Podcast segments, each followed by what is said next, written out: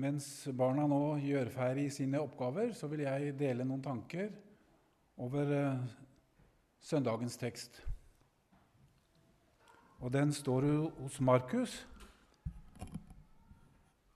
Jeg tar med noen vers før det som er satt opp som dagens tekst. Og Vi leser fra Markus 5. Jeg begynner på vers 21. Mens han var nede ved sjøen, kom en av synagogeforstanderne, han het Jairus.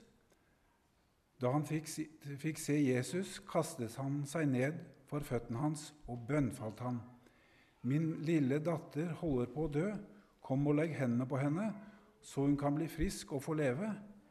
Jesus gikk med ham, fulgt av en stor folkemengde. Og så begynner søndagens tekst. Mens han ennå talte, kom det folk fra synagogeforstanderens hus og sa:" Din datter er død. Hvorfor bryr du mesteren lenger? Jesus hørte det som ble sagt, og sa til synagogeforstanderen:" Frykt ikke, bare tro. Nå lot han ingen andre følge med enn Peter, Jakob og Johannes, Jakobs bror. Da de kom til synagogeforstanderens hus, og han så alt oppstyret og folk som gråt og jamret seg, gikk han inn og sa til dem:" Hvorfor støyer og gråter dere? Barnet er ikke dødt, hun sover. De bare lo av ham.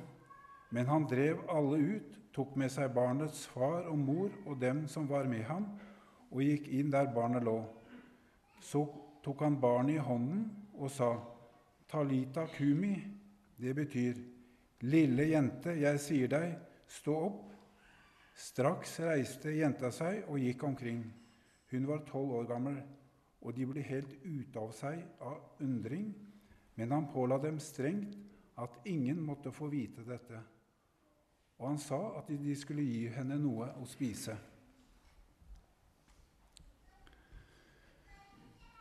Det er jo en dramatisk fortelling, det vi får høre i dag. Synagogeforstanderen Jairus opplever at hans eneste datter er alvorlig syk og dør.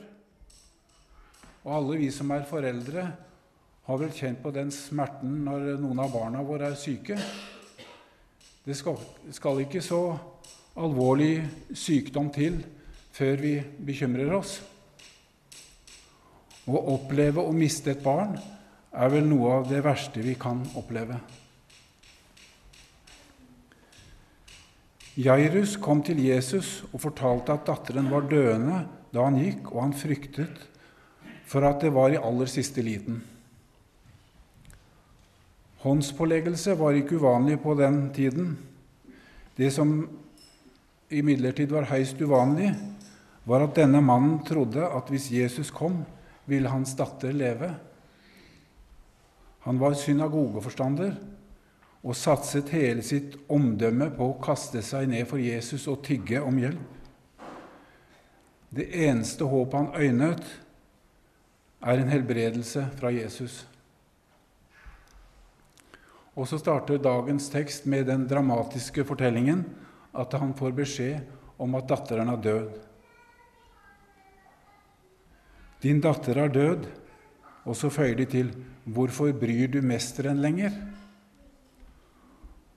Og det var jo en menneskelig reaksjon. Når et menneske er dødt, er det for seint med helbredelse. Og Vi husker det også i historien om Lasarut, som hadde ligget fire dager i graven. Når Maria kommer til kommer til Jesus, så sier hun, 'Herre, hadde du vært her, så hadde ikke min bror vært død.' Nå er det for seint. Og det er jo en menneskelig reaksjon. Én ting er å tro på helbredelse ved alvorlig sykdom, men når jenta var død, var alt håp ute. Jesus hører det som ble sagt, og før Jairus har tatt den fryktelige beskjeden inn over seg, sier Jesus, 'Frykt ikke, bare tro'. Frykt ikke, bare tro. Hva mener Jesus med det? I visse sammenhenger blir jo helbredelse koblet sammen med det å tro sterkt nok. Hvis man bare tror sterkt nok, så vil helbredelse og velsignelse strømme inn i våre liv. Og motsatt. Hvis ikke er det fordi vi ikke tror sterkt nok. Synagogeforstanderen, Jairus, kom til Jesus med sin fortvilelse. Det er et godt eksempel på hva tro er. Komme til Jesus. Og han sier i dag, 'Kom til meg, alle dere som strever og bærer tunge byrder'. Denne invitasjonen står fast, uansett hvilken livssituasjon du er oppe i. Og vi lever i en tid hvor mange mennesker er bekymra for framtida. Det er krig, rykter om krig. Klimaødeleggelser, flom, skogbranner, hetebølger.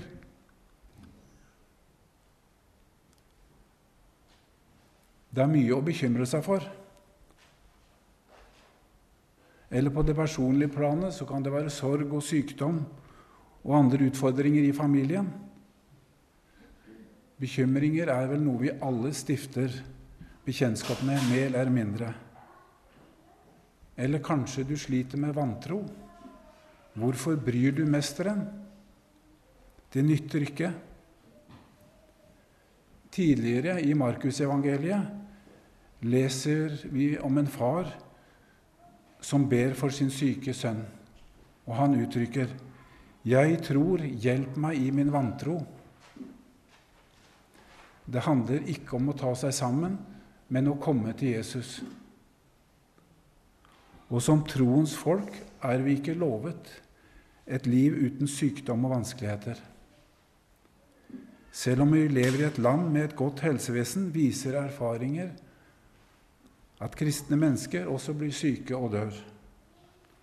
Og mange sliter med alvorlig sykdom, fysisk eller psykisk, et helt liv. Og det er mange spørsmål som vi ikke får svar på. Selv om noen fortsatt blir helbredet på overnaturlig vis. Men vi lever alle i en forgjengelig verden.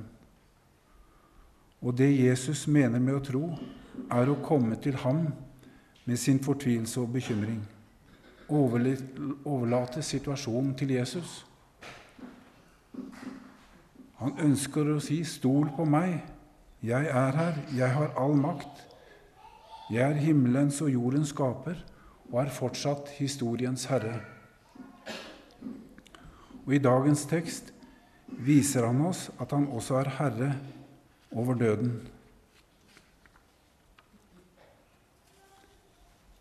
Det demonstrerer han når han sier Talita kumi, lille jente, jeg sier deg, stå opp. Og I evangeliene fortelles det om tre ganger hvor Jesus vekker opp fra døde. I tillegg til eh, Jairus sin datter så hører vi om Lasarus, som jeg nevnte, og om enkens sønn i Nain. Og Disse tekstene hører til de andre teksttrekkene for denne søndagen. Og Det er derfor også denne søndagen blir kalt for høstens påskedag. Med disse eksemplene viser Jesus oss at han kan vekke opp mennesker fra døde, så de lever, så de lever igjen. Og Når vi leser i Bibelen at han en dag skal rope alle verdens mennesker fram fra gravene, da kan vi tro at han har makt til det, fordi vi hørte hva som skjedde med Jairus sin datter. Og Jesus har stått opp. Han er ikke i graven. Det er troens fundament. Denne sannhet kan vi leve og dø på. Og vi må ta med noen ord fra Paulus om hvor avgjørende Jesu oppstandelse er for vår tro. Han skriver i 1. Korinterbrev 15.: Men hvis Kristus ikke er stått opp, da er deres tro uten mening. Hvis vårt håp til Kristus gjelder bare for dette livet, er vi de ynkeligste av alle mennesker. Men nå er jo Kristus stått opp fra de døde, som førstegrøden av dem som har sovnet inn. Fordi døden kom ved ett menneske, er også de dødes oppstandelse kommet ved ett menneske. For slik alle dør på grunn av Adam, skal alle få liv ved Kristus. Men hver i sin tur. Kristus er førstegrøden. Deretter, ved hans gjenkomst, følger de som hører Kristus til. I dag har vi hørt om markens grøde, og Paulus bruker den betegnelsen på Kristus, førstegrøden av de som har sovnet inn. Og deretter, ved hans gjenkomst, følger de som hører Kristus til. Dette er vårt håp, og dette er vår framtid. Ikke, ikke virkelighetsflukt, men et fundament som holder i alle livets stormer. Som jeg nevnte, vi lever i en urolig og usikker tid. Da er det så viktig at vi holder fokuset og bygger vårt liv på dette sikre fundament. Med blikket festet på Ham som er troens opphavsmann og fullender, Jesus. Og om du i dine vanskeligheter eller fortvilelse ikke får øye på Jesus, så vit at han ser deg. Han vet om deg og din situasjon. Det er det aller viktigste. Og da kan vi trygt avslutte med Salme 31, 15. Men jeg setter min lit til deg, Herre. Jeg sier, du er min Gud, mine tider er i din hånd. Amen.